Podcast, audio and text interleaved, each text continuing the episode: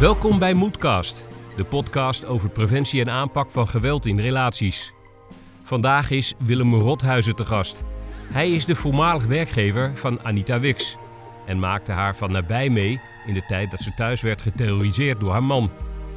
Toch miste Willem belangrijke signalen die hem hadden kunnen wijzen op de onveilige thuissituatie van Anita. Willem beschrijft Anita als die vrolijke spring in het veld, een gesoigneerde vrouw. Weliswaar vaak te laat, maar desondanks een werknemer waar je op kon bouwen. Hoe kan het dat de buitenwereld vaak pas zo laat doorheeft wat er werkelijk speelt bij huiselijk geweld? Wat zijn alarmbellen? Wat doe je wanneer je dat niet-pluisgevoel krijgt? Presentatie Anita Wix en Maaike Brunekreef. Welkom bij de nieuwe aflevering van Moedcast met Anita Wix. Dag Maaike, daar zijn we weer. Goedemorgen. Goedemorgen. En uh, we hebben een hele bijzondere gast vandaag aan tafel en dat is Willem Rothuizen. Bijzonder nog wel. Goedemorgen. Ja, goedemorgen. Leuk om hier te zijn. Ja, welkom. Dank je. Willem, jij bent uh, voormalig werkgever van Anita. Ja, dat klopt, ja. Alleen... Lang geleden, maar toch? Ja, ik wou zeggen enige tijd geleden, maar het is inderdaad al lang geleden. Enige tijd geleden. Ik denk dat we voor het laatst uh, met elkaar gewerkt hebben in nou, 2009 of zo, denk ik ongeveer. Ja. Iets in die trant. Ja, volgens mij spot on, 2009. 2009 is al even, maar ik denk dat uh, de lessen die we hieruit kunnen leren nog steeds actueel zijn. Want we gaan het hebben over ja, eigenlijk uh, partnergeweld en de impact op de werkvloer. Ja. Dus uh, moodcast at work, moedwerk. Ja, wij, wij noemen dat moedwerk. En dan hebben we een mooie ondertitel voor medewerkers in balans. Ja. Want daar willen we het vandaag over hebben. Ja. Belangrijk. Ja, toch? Vertel eens, Anita, wat deed jij uh, in die tijd? Wat ik in die workwise. tijd? Nou, workwise. Uh, ik heb heel lang uh, in mijn toenmalige, toen ik nog in die relatie zat, een schoonheids... het was niet zomaar een salonnetje, het was echt wel een grote salon met medewerkers. En uh, zo ben ik ook uh, Willem uh, tegengekomen. Want ik wilde graag gaan werken met een ontharingsapparaat. Dat, ik, weet niet, ik ben helemaal niet meer thuis in die business. Ik weet niet of dat nog steeds heel erg in is.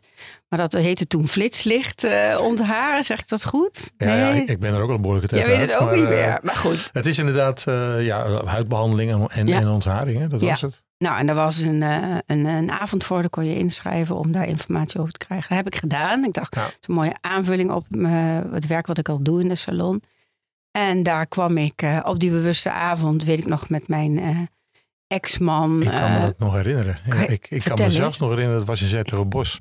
En we waren al bezig. Het was een voorlichtingsavond over eh, het apparaat wat we toen hadden. Oh, wij waren En zeker te laat. Jullie waren te laat. Altijd. En er kwam, eh, ik weet ik wel nog, ik weet nog heel goed, er kwam echt een hele vrolijke spring in het veld kwam er binnen. Jij was heel erg eh, uitgelaten en, eh, en vrolijk en eh, heel duidelijk aanwezig ook.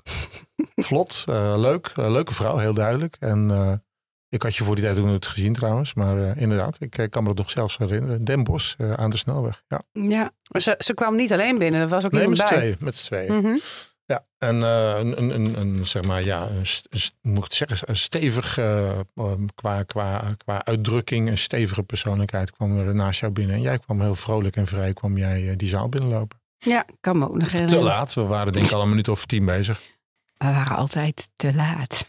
Ja, jullie waren al te laat. Dat is ook weer een ander verhaal. Het is te veel om daar iets over te vertellen. Maar op de een of andere manier kwamen we altijd te laat, zodat we dan ook gelijk in de spotlights stonden. Maar goed, toen heb ik besloten om eh, met het apparaat te gaan werken. En zo eh, kwam ik met het bedrijf eh, van Willem in contact.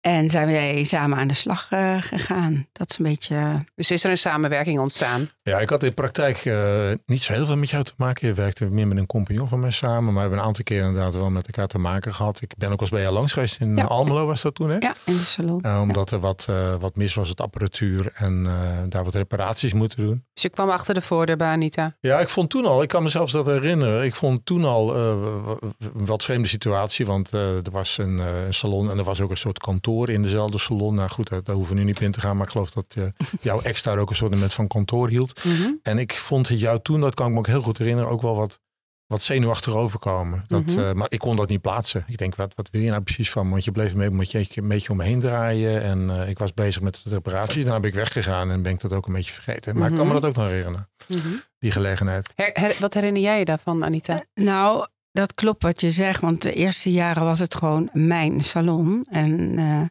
paar jaar later besloot hij dat hij daar ook wel zijn eh, verzekeringskantoor kon vestigen. Zonder toestemming van de verhuurder. Eh, en toen zat ik al aardig in de problemen, zeg maar, in die, Ja. in die relatie.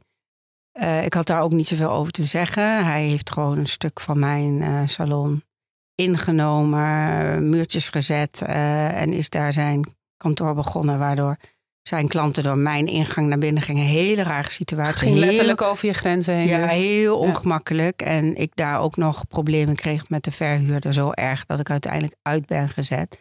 Hm. Dus daar, daar waren al momenten dat ik heel graag daar met iemand over had willen praten. Over wat ik daadwerkelijk meemaakte. En hoe ingewikkeld en complex het allemaal was om Mhm. bedrijf te voeren, eh, gezin, eh, nou ja, alles. Dus ik denk dat er omheen dralen zo heel vaak wel een teken was, kan ik niet even met je praten? Maar ik was daar toen ook, weet je, ik, ik, ik denk wel dat ik het heb gewild, want je was wel een hele gemoedelijke man, ben je nog steeds. Staat altijd wel open voor gesprek, maar ik heb nooit echt geweten hoe moet ik dat dan Mhm. doen? Hoe pak ik het dan aan? En dat heb je denk ik wel gevoeld toen. Nou, van- toen, toen Mhm. was je nog klant hè, natuurlijk. Dus, eh, en ik, Ja. ik, ik, ik- ja, weet je, zo'n situatie waarbij je denkt, nou ja, wat zal er aan de hand zijn? Iemand is wat eh, duidelijk eh, nerveus, wat Mhm. onrustig. eh, Ja.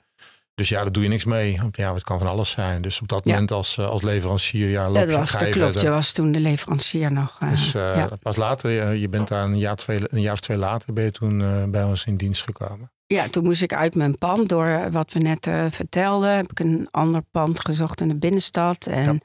heb ik het nooit meer naar mijn zin gehad. Het was niet zo'n goede plek. En er was ook zoveel gebeurd dat je er uit, uit je pand wordt gezet. En zoveel stress dat ik daar gewoon, ik kon daar niet meer. Ik kon het ook helemaal niet meer aan. En Ja. toen eh, heb Ja. jij samen met je compagnon mij de kans geboden om En in dat nieuwe pand, of dat andere pand, ben ik ook nog een keer langs geweest. Ja. Was er ook een probleem. En toen was je ook Ja. niet bij ons in dienst. En Nee. dat vond ik ook wel merkwaardig. Want toen was dat op een, eh, op een volgens mij normale dag waarbij je normaal open zou moeten zijn. En toen was het gesloten. En toen moest ik via iemand, ik weet niet hoe dat in elkaar zat precies, maar moest ik ook eh, een sleutel krijgen om daar naar binnen te gaan. Eh, vond ik toen ook wel wat merkwaardig. Maar goed, ook daar ja, denk je, nou, het zal wel. Mhm. Iemand kan ziek zijn of whatever. Maar op dat moment was je ook niet aanwezig daar waar ik langs moest komen voor een reparatie. Klopt, want ik heb, maar dat is misschien een, een podcast waard. Ik had toch wel een soort dubbelleven toen. Dat ik Ja. naast mijn werk in de salon ook nog eh, andere dingen deed. Ja. En ik soms daar gewoon helemaal niet kon zijn, omdat ik daar niet toe in staat was. En Ja. als er dan niemand had die de salon wilde openen, een van mijn medewerkers, dan, eh, ja, dan was het gewoon op slot.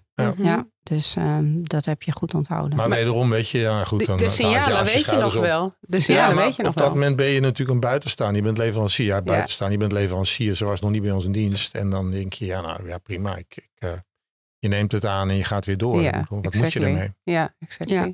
Nou ja, en toen heb ik uiteindelijk eh, de stekker daar uitgetrokken, omdat ik het helemaal niet meer aan kon. kon. Ook eh, door eh, werk wat ik er, eh, ernaast deed. En nou, ik kon het helemaal niet meer aan. Ik was gewoon een wrak.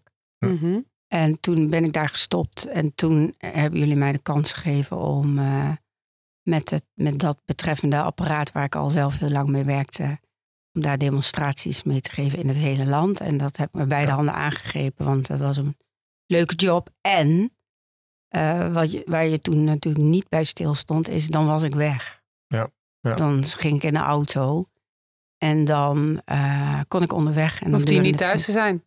ja.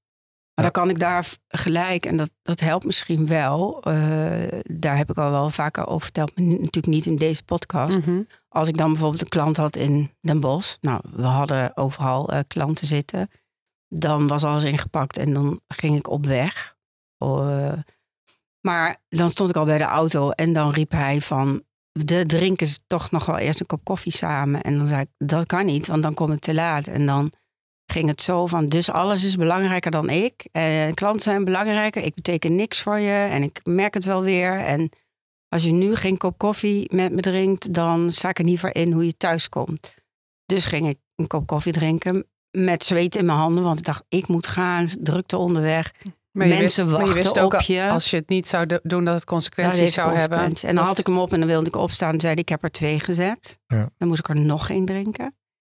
En dan kon ik eindelijk gaan. En dan ga je dus veel te hard rijden. Dan ben je echt helemaal in de stress.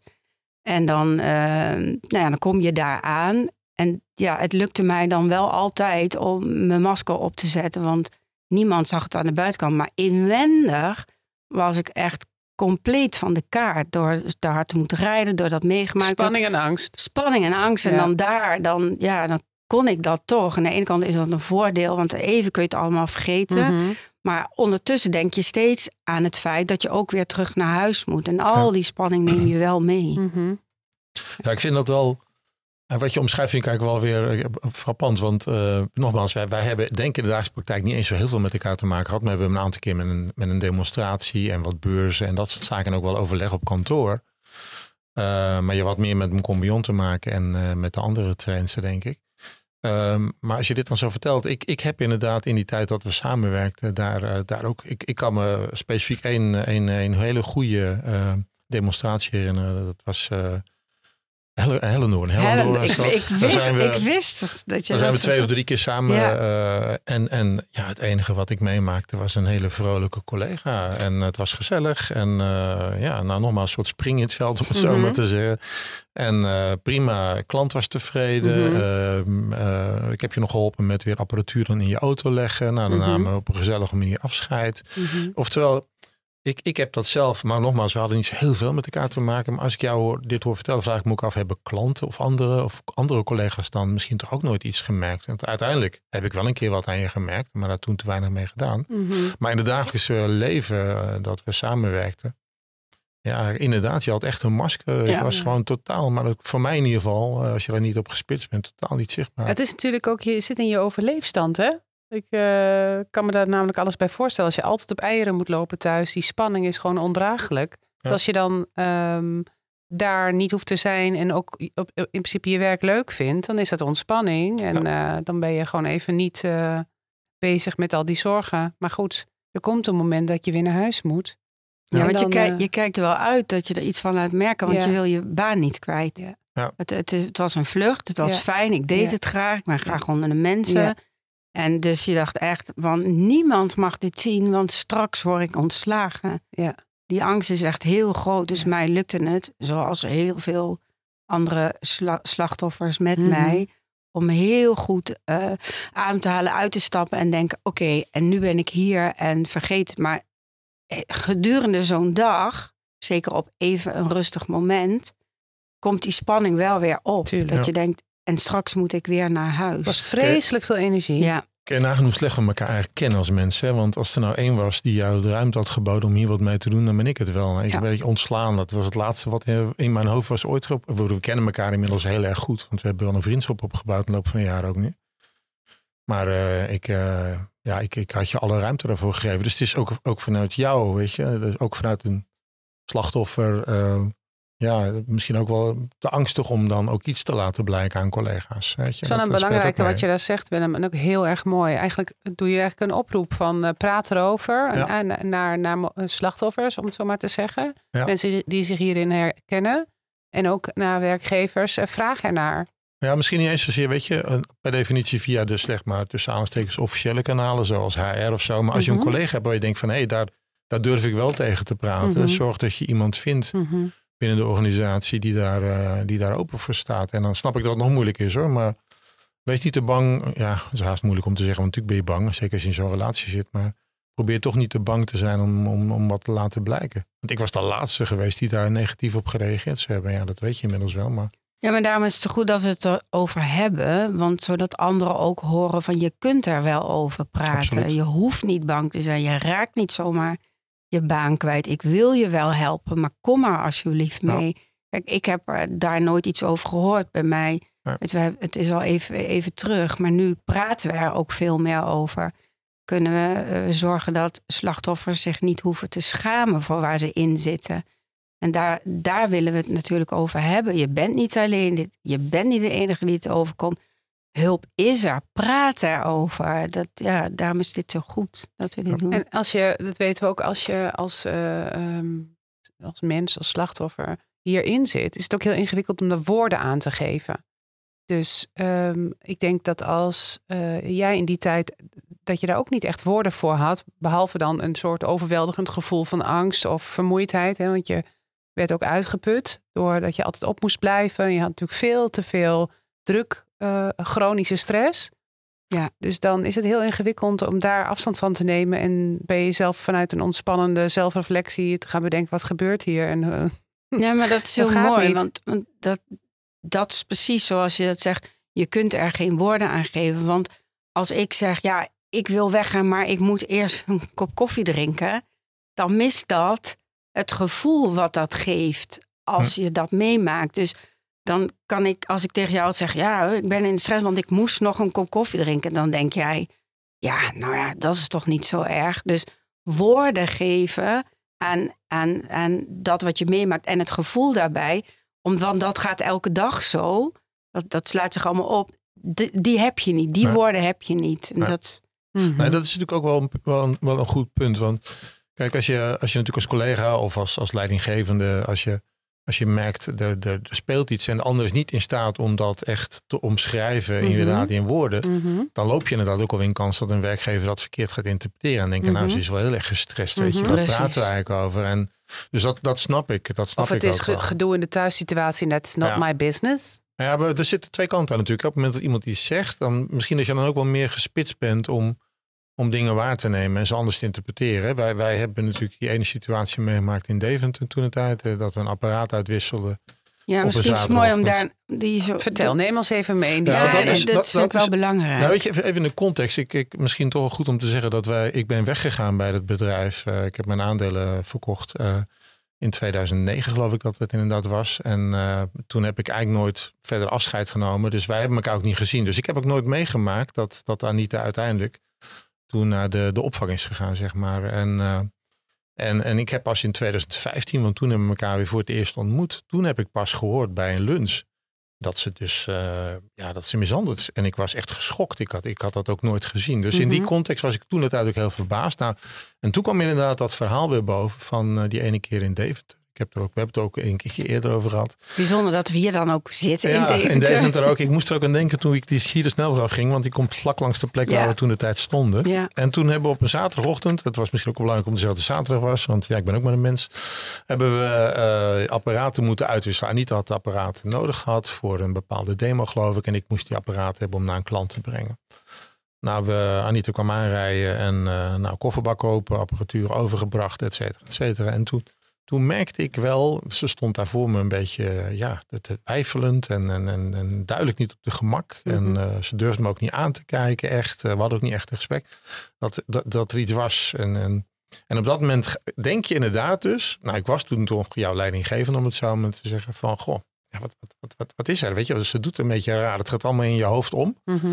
Maar vervolgens ga je redenen bedenken waarom dat zou zijn. Uh, ja, dochter was op dat moment uh, ernstig ziek. Tenminste, die had anorexia. Heb je, waar, waar je natuurlijk erg vanaf van, van slag was. Dus je gaat dat zelf invullen. Mhm. En eigenlijk ga je het gesprek niet aan. Nou, dan kan ik natuurlijk allemaal excuses bedenken. Het was zaterdagochtend. Ik had druk gehad. Ik wilde naar mijn gezin weekend vieren, et cetera, et cetera.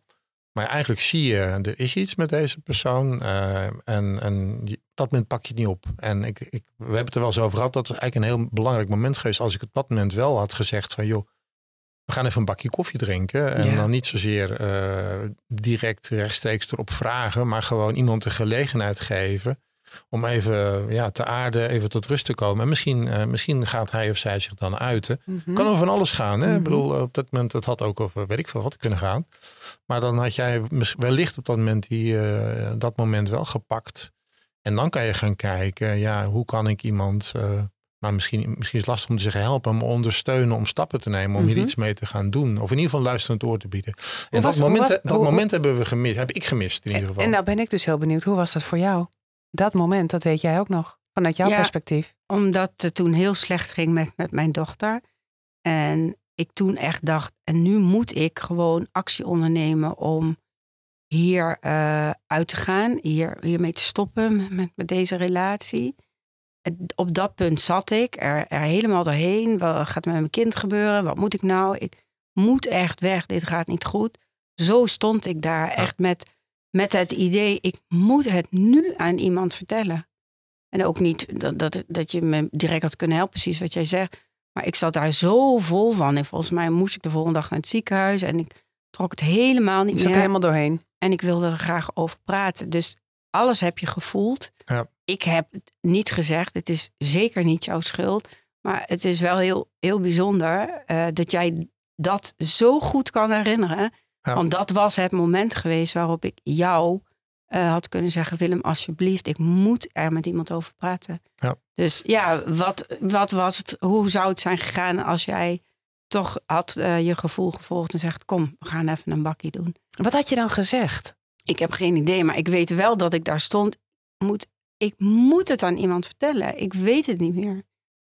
Dus, dus wat ik dan had gezegd, als Willem echt, ik ken hem nu eh, heel goed, dat hij een aantal mee had geslagen zegt: Kom, weet je, Ja. ga even zitten.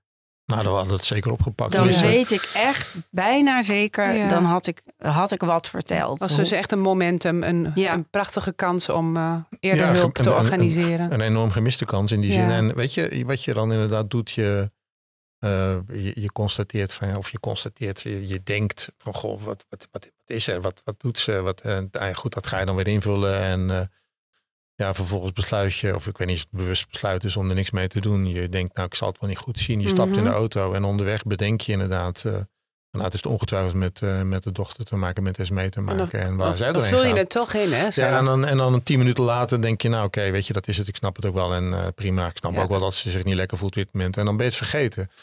En om, omdat ik toen later hoorde dat je in die mishandeling had gezeten, dan kwam ineens dat moment weer bij, bij mij terug. Ik denk, verrek, dat is waarschijnlijk, eh, dat was midden in die periode met Esme. eh, Ja, ik, precies ik, had, toen. ik had een verschil kunnen maken. En dat heb ik op dat moment, heb ik dat als, eh, als collega, zeg maar, heb ik dat gemist. En dat spelen twee dingen, denk ik. Dat jij nooit echt iets hebt laten blijken überhaupt. Hè? Al had je maar een klein beetje iets laten blijken, dan had ik het moment misschien wel Mhm. opgepakt. En ik heb de fout gemaakt. Ik vind dat toch wel als, als collega een fout eigenlijk. Dat ik toch niet heb gedacht van, goh, ik voel dat er iets niet in orde is. Het minste wat ik kan doen is even vragen van, joh Anita, ik, eh, wat is er? Je, ja, je, je, je komt er twijfelend over. Vertel, wat is er? Zullen we een bakje koffie gaan drinken? Dat is gewoon een prachtige les. Laten we dit dan ook gewoon Ja. gebruiken. En eh, voor de mensen die dit horen, die eh, ja, als inspiratie om toe te passen. Ja, weet je, ik, ik denk dat vaak dit soort gesprekken dan gaan over, of dit soort gesprekken, maar dat het dan in deze context vaak gaat over, ja, wat kan een leidinggever of een werkgever doen? Maar ik denk ook gewoon dat het een collega kan zijn, weet je wel. Het hoeft niet altijd een, een officiële instantie binnen een organisatie Nee, te zijn of de leidinggevende, maar iemand waarvan je denkt van, hé, hey, die, eh, die staat daar wellicht open voor of die, die kan een luisterend oor bieden. En eh, ik, ik denk dat je daar, daar misschien, eh, misschien dan toch toe moet proberen te wenden. En, en ook als je die collega bent en je merkt aan een collega van, volgens mij is er iets. Dat je Mhm. misschien niet eens zozeer rechtstreeks ernaar vraagt, maar gewoon even zegt, van, joh, zullen we vandaag even samen gaan lunchen? Mhm. En dan is er een goede kans dat het wellicht op tafel komt. Wij noemen dat zaadjes planten. Ja, Laten zien dat je iemand ziet en hoort. En verwacht niet een hele disclosure of dat iemand open gaat van dankjewel Nee. voor deze vraag. Inderdaad, ik ben thuis niet veilig of in mijn relatie. Nee. Dat hoeft ook niet, maar je laat daarmee wel iemand zien van ik zie jou, ik hoor jou, je kunt bij mij terecht en ik oordeel daar niet over. En weet ook dat ik er voor je ben. Nou, je kan natuurlijk als organisatie, kijk, eh, ik bedoel, los van het bedrijf wat ik, eh, wat ik toen had, eh, ben ik al zo'n 25 jaar eh, bezig als eh, leiderschapsconsultant. En je Mhm. kunt natuurlijk wel als, als organisatie kun je wel iets doen. Kijk, als je zegt van we staan als organisatie ergens voor bepaalde waarden en die ook e- echt actief uitdragen. eh, echt zorgt dat ze gaan leven in de organisatie en dat ook als leidinggevende laat zien. Dan kan je natuurlijk wel een, een klimaat ontwikkelen waardoor mensen eerder geneigd zijn om dus vragen te stellen, maar ook zich eerder te uiten. Dus, ja, eh, absoluut. Het gaat ook over sociale veiligheid in die zin. Ja. en dat is wel belangrijk, weet je. En ik vind dat dat wel iets is wat organisaties eh, vaak toch wat, wat beter kunnen oppakken. Nou, dat is een hele mooie tip. Eh, ja. Dus, maar ja, het, het, het blijft, ik, ik, ik, voor mezelf blijf, blijf, blijf ik nog steeds verbaasd eigenlijk dat ik toen in 2015 hoorde over die, die huiselijk geweldsituatie. En, eh, en, en ik was echt verbijsterd dat je dan inderdaad eh, een collega gewoon als vrolijk hebt ervaren Ja. en, en, en het, het gewoon totaal niet gezien hebt. Dat Nee. was ik echt verbijst, Ja. ver- verbaasd, verbijsterd en, eh, en ook wel een beetje verontwaardigd over naar mezelf toe. Van jongen, hoe heb je dat kunnen missen? Ja, ja, Mhm. ja, dat is dus de ontzettende cognitieve dissonantie hè, tussen de, de realiteit eh, achter de schermen en, en op de, voor de schermen, dus ook op de werkvloer.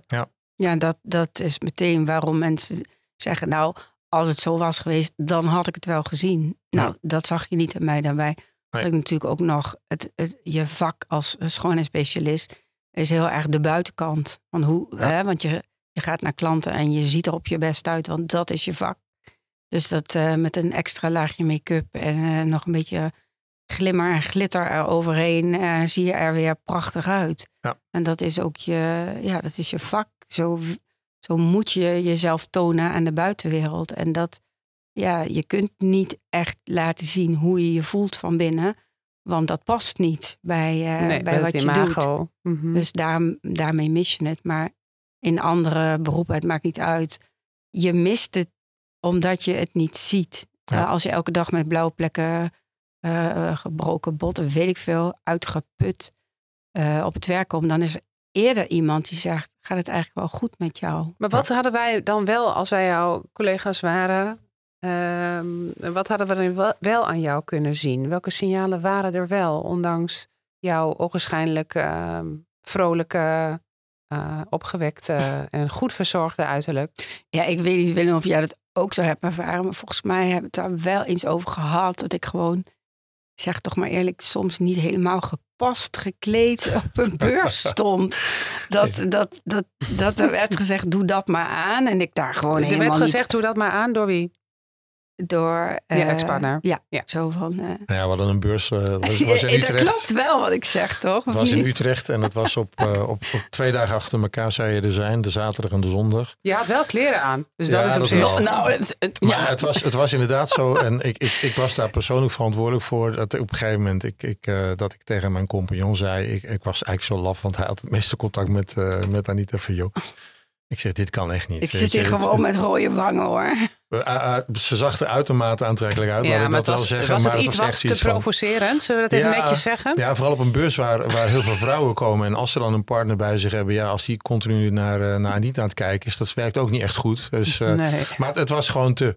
En eh, toen heb je inderdaad wel een opmerking gemaakt van, joh, Anita, eh, die kan echt niet. En hoe vol- was dat voor jou om dat te horen van, eh, van jouw leidinggevende? Kon je daar, kwam dat binnen? Nee, want ik, dat was zoals ik er toen uitzag. En, en nu denk ik echt, oh my gosh. Nou, niet ik tot weet- tijd. Je zag het toen met die dag zo uit. Maar die dag, maar goed. Overwegend zag je de keurig uit. Jawel, hè. maar heel vaak had ik dan toch wel dit soort eh dingen aan. provocerend. Want ik weet zelfs nog wat ik aan had. Nou, vertel. Nou ja, kan ik niet zo goed uitleggen. Maar het was Een een heel laag decolleté. heel hoor. laag uitgesneden jurkje. Echt heel erg. Een hele hoge hakken. Eh, ja, ook een hooghakker. Ja. Ja. want dat, die droeg ik toen. Ja. Maar het was een beetje, op een gegeven moment werd dat mijn stijl. Hè? Niet omdat ik daar zelf voor koos, maar omdat hij me dan het mooist vond dat ik er zo uitzag. En dat ik ook nog hoe ik moest lopen. Op een bepaalde manier. Dat is allemaal een soort opdracht. Je, je moet met je, meer met je heup, heupen wiegen. Je moet die stap voor stap. En hoe Dat, je is, dat zijn echt dynamieken die je ziet bij dwingende controle. En wij noemen dat de onzichtbare afstandsbediening. Mhm. Dat de, eh, de, de pleger, of degene die dit toepast, in de meeste gevallen zijn het dan toch mannen, maar ook vrouwen passen dit toe, zich eigenlijk op elk levensgebied ehm, ja, eh, eh, controle gaan uitoefenen. Ja. Dus ook wat je, eh, hoe je op, uiterlijke, op uiterlijk gebied, ook hoe je loopt, wat je eet, hoe je praat, wat je doet. En het lijkt grappig, maar dit was echt is een topje van de ijsberg van, het hele, van de hele puzzel waar hij nog meer controle over uitoefende binnen jullie thuissituatie, gezin, relatie, de kinderen, noem het maar op. Alles werd gecontroleerd, alles werd bepaald door hem. Nou, ik- dat? het, is- het, Ja. is, het is wel grappig inderdaad in die context dat dat nu ook naar voren komt. Want ik kan me herinneren dat ik toen inderdaad dacht, ik snap niet dat je dat, dat je zo komt. Weet je? Ik snap Ja. niet. Ik snap niet dat je niet ziet dat dit niet de manier Mhm. is. Want over het algemeen inderdaad zag je er trouwens best gewoon prima uit. Weet je. Ja, ja, in mijn salon had ik natuurlijk een keurig jasje aan. Ja, maar ook, ook op demonstraties weet ik wel dat je gewoon prima gekleed was. En, en, en toen had ik echt zoiets van, ik snap, ik snap eigenlijk helemaal niet dat je op die beurs zo verschijnt. Ik, Ja. ik begreep dat ook totaal niet. Het paste niet binnen het beeld wat ik van je had overigens. Dus Wat heel Maar- goed werkt als je dit wil begrijpen, is ehm, eh, dat je de ogenschijnlijke onlogische keuzes logisch probeert te maken. Ja. Dan, dan eh, eh, begin je een beetje te begrijpen hoe die dynamieken eigenlijk werken. Want er zijn Ja. er altijd consequenties. Want wat gebeurde er als je het niet deed? Dan had het voor jou weer negatieve consequenties. Toch? Ja, Zoals dat- wat? Ja, dat, kan- dat kan alles zijn. Of je, je mag niet binnen. Of je wordt genegeerd. Hm. Of nou, je, er is fysiek geweld. Of wordt uitgescholden. Maar er is altijd een consequentie als je niet doet wat diegene van je wil. Dus een simpel kopje koffie drinken, daar is niks mis mee. Maar als je het in de context plaatst, zoals Anita hem net schetste, jij kijkt wel uit om het niet te doen, want als je het niet doet, heeft het mega consequenties. Ja. En dat is dus de realiteit. Dat is heel ingewikkeld om ja, dat eh, te begrijpen als je deze informatie niet hebt gehad. Ja, want Ja. ik denk ook dat, dat normaal gesproken, dat vul ik misschien nu in, dat een man helemaal niet wil dat jij zo naar een beurs gaat. Dat je denkt, Nou, jij bent mijn vrouw, jij gaat toch niet zo sexy, terwijl hij zei, doe dat maar aan. je had me de woorden uit de mond zou Ja. zeggen. Want zo, zo keek ik er toen ook tegenaan. Ik was ook verbaasd. Ik denk, nou, als je mijn partner was geweest, had ik dit helemaal niet leuk nee, gevonden. dat Nee. bedoel ik. Dus dat Nee, is zo ik. onlogisch. Het is heel Ja. onlogisch dat je zo de deur uit wordt gestuurd. Er is geen man die denkt, ik wil dat ze mijn vrouw zo de hele dag Ja. zien. Nee, nee. Dus, Ik vraag me nu wel even af, want de dag daarna hadden we weer beurs. Eh, dus kennelijk heb je hem toen wel weten overtuigen om dan wel anders gekleed te gaan. Ik bedoel, hoe is dat dan gegaan? Was dat puur van ja, mijn werkgever accepteert dit niet? Hoe Ja. heb je dat? Ja, dit, wordt niet, dit, dit kan gewoon echt niet. Jij kan dat allemaal mooi vinden, maar Ja. ik, ga, ik voel me zo opgelaten. Dat, eh, ik wil dit niet. Ja. Krijg ik ellende mee. Ja. Tja. Tja. Ja, we werken ook eh, veel samen met eh, andere overlevers. En eh, ik moet even denken ook aan het voorbeeld van Trine Mie. Trine Mie Lecomte. Zij komt uit, uit België. En ook zij had een partner die controle uitoefende ook over haar uiterlijk. En waar Anita eh, eigenlijk stapsgewijs eh, steeds meer richting, ik noem het maar even, het woord stoeipoes ging. Toch? Barbie. Barbie, stoeipoes, dat Ja. klopt toch? Ja, hoog blond, Ja, stijl haar, hoge hakken. ja, decolletés. Ja. Ehm, eh, dus heel provocerend. Ging Trina Mie, die werd dus door haar partner eigenlijk ook langzamerhand gedwongen om van haar eigen stijl af te stappen. En eh, zich steeds meer te kleden op de manier die hij wenste. En dat was in Trina Mie's geval precies de andere kant op. Dus laten we zeggen, heel erg op het saaie af, degelijk, lange, grijze, Parelkettingjes, rokken, degelijke schoentjes. platte schoenen. Ja. ehm, eh, nou Precies ja, het precies het tegenovergestelde. tegenovergestelde. Nou ja, ik, ik, ik, ben ook wel benieuwd, misschien kan jij er wat over zeggen Anita, hoe dat dan kennelijk eh, in je systeem blijft hangen. Want eh, we hebben elkaar eh, toen in 2015 voor het eerst weer ontmoet. Was, eh, we hebben geluncht samen in Zwolle. En toen kwam je binnen en dat was eigenlijk behoorlijk in de stijl zoals ik gewend Ja. was. Prachtig gekleed, eh stijl blond haar. eh, Ja. Zoals we eigenlijk afscheid hadden genomen, pakken we het zes jaar daarvoor. En toen in 2000, eh, een half jaar later, hebben we elkaar weer ontmoet bij een lunch.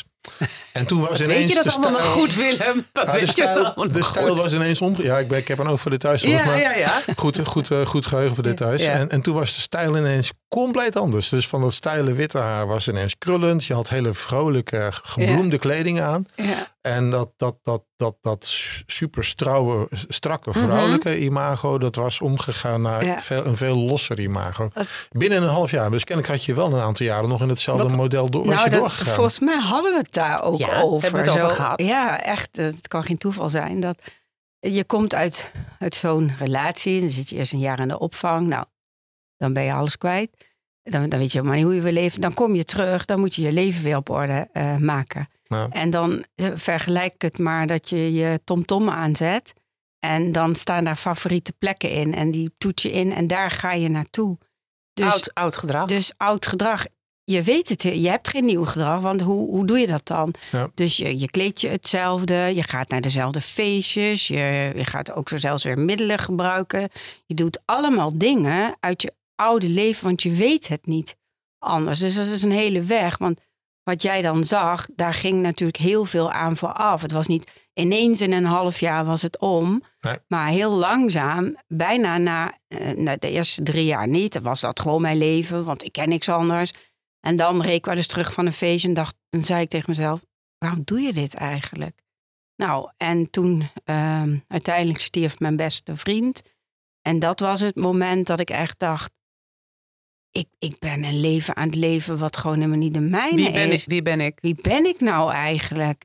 En toen eh, besloot ik eh, instant om te stoppen met mijn haar te blonderen en te stijl te eh, maken. Terwijl, want ik heb prachtige krullen. Ja. En me uit die super strakke kleding te bevrijden. En die hoge hakken waar je echt likdoors en alles van krijgt. En ineens dacht ik echt, ik, eh, hoe kan je zo lopen met dit allemaal aan en die maskers en al die make-up. En, en toen was het was voor jou van de een op de andere in een half jaar. Maar voor mij was het echt stapsgewijs van, en nu ben ik er klaar mee. En, en na, na zijn dood was, was het radicaal. Toen dacht ik... Uh... Nou, los van de verandering. Weet je wat ik bedoel te zeggen eigenlijk ook, is dat ik snap die verandering, ook in de context zoals ik die nu ook ken. Mm. Maar dat je inderdaad dan gedurende een periode van pak een beetje zes jaar. Ja, je weet. ik, ja. en, en, eigenlijk dus, wat is het, vier jaar nadat je zeg maar uit die relatie was gestapt. Ja. Dan, dan toch nog heel erg beïnvloed wordt door de keuzes die door hem werden gemaakt. Ja, absoluut. Voor je. En nou, dat, dat, kwetsbaar. Dat is dus kwetsbaar. eigenlijk die onzichtbare afstandsbediening. Dat je constant blijft horen je moet er zo uitzien, je moet zo lopen, want dan ben je mooi. En dan kijken ze naar je en dan vinden mannen jou mooi. Want dat was wel waar mijn leven over ging, de buitenkant. Als iedereen weer naar mij kijkt, ik wil graag gezien worden, ik heb bestaansrecht nodig. En dat doe je vooral door er zo uit te zien. Dan krijg je aandacht en, en dat zit zo in je hoofd. En het heeft zoveel tijd nodig om terug te komen, ja, wie ben ik nou eigenlijk? Maar dat stuk is wel interessant, want eh, je noemt ehm, dat stuk eh, gezien worden en bestaansrecht. Bij jou in de basis zaten die wonden hè, vanuit jouw uh, jeugd en vanuit hetgeen wat je gemist hebt, wat je niet gekregen hebt, wat je wel heel erg nodig had, wat ieder mens eigenlijk heel erg nodig heeft, die erkenning en liefde en bevestiging. En op de een of andere manier had deze, heeft jouw ex-partner ontzettend kunnen uh, zien uh, en aanvoelen waar jouw wonden zaten, waar jouw beschadigingen zaten. En die heeft dat ongelooflijk ingezet ten behoeve van zichzelf. Ehm, ja, dat dus, wou ik even zeggen. Ja, nee. ja. Nou, weet je wat, wat waar, ik, waar ik in zit te denken? Ik, ik, ik begeleid in praktijk heel veel leidinggevenden bij grote en minder grote organisaties. En uh, ja, het, eigenlijk, eigenlijk vind ik het toch weer schokkend om te constateren hoe slecht we eigenlijk dan kennelijk onze collega's kennen. En, en hoe slecht we ook ons zijn in, om, ons te uiten. Dus uh, dat, dat, het, het, we werken veel samen. Nou hoef je niet mekaars vrienden te zijn natuurlijk, hè, met, met allerlei mensen. Maar in hoeverre ja, hebben we werkelijk een idee wat, uh, wat iemand bezighoudt? Hè? en zijn we toch heel erg bezig om met een, met een masker te lopen? Hè? Je hebt het geloof als ik over had. Je hebt zo'n mooi liedje van Herman van Veen. Hè? Uh, dat mensen met een masker over straat lopen. Mm. En zelfs de bakker verbergt, blauwe plekken. En uh, nou, iedereen loopt met een masker over straat. En kennelijk zijn we onvoldoende in staat om, uh, om door dat masker heen te gaan. Maar ook ons onvoldoende in staat om te realiseren dat mensen dus kennelijk met zo'n masker oplopen. Ja, en, en ik denk dat dat juist ook heel verbindend kan, kan werken. want Weet je, ehm, als wij, uh, want er komen een aantal keren per week bij bedrijven, organisaties, groot of klein. En dan gebruiken we eigenlijk altijd een, de belangrijkste vraag uit ons achter de voordeurspel. We noemen dat de onderwatervraag. Dus eigenlijk leer je daarmee een beetje onder water of krijg je een kijkje wat zich onder, onder de oppervlakte afspeelt. En um, die vraag die gaat eigenlijk over van nou, we weten dat het dichterbij is dan je denkt. Het zou dus heel goed kunnen zijn dat je als kind opgegroeid bent in een thuissituatie waarbij één of beide ouders worstelt met ernstige psychische problemen, dat je als kind slachtoffer bent uh, geweest van een vorm van kindermishandeling, van seksueel misbruik, uh, dat er financiële problemen waren. Het zou ook kunnen dat je als volwassene in je volwassen leven in een onveilige partnerrelatie hebt gezeten of zelfs nu op dit moment nog onveilig bent. Ja. En daarom stel ik je de volgende vraag. Ben jij vroeger of nu geconfronteerd met geweld in je thuissituatie?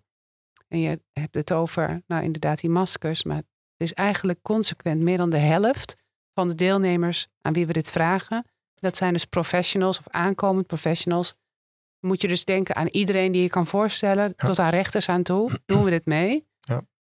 Um, en dat is dus eigenlijk uh, ergens verbazingwekkend en tegelijkertijd ook weer niet. En ook weer heel, werkt het heel verbindend, omdat het een anonieme vraag is. Ja daar begint volgens mij ook, de, dat is de sleutel voor een duurzame aanpak van dit thema. Het begint in de spiegel. Ja, het, het gesprek. Kijk, het masker suggereert dat je dat bewust op doet, maar ik denk dat de masker ook heel erg onbewust kan zijn. Weet je? Mhm. Dus dat is. Uh, nou, je noemt het nu zelf, hè? als ik mezelf even als voorbeeld mag nemen, dan.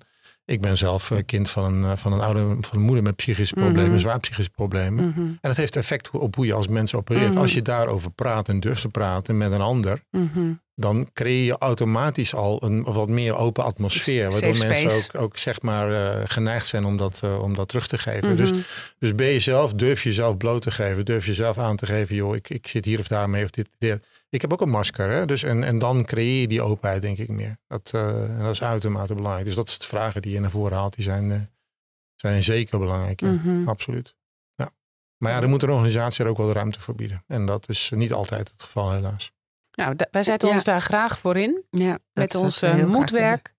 Ja, ik, ik vind echt, eh, en dat weet je Willem, het is echt mijn missie, mijn wens om, om de gemiste kansen van vroeger, dat dat nooit meer zou hoeven. Dus we willen heel graag voorlichting geven over dit stukje.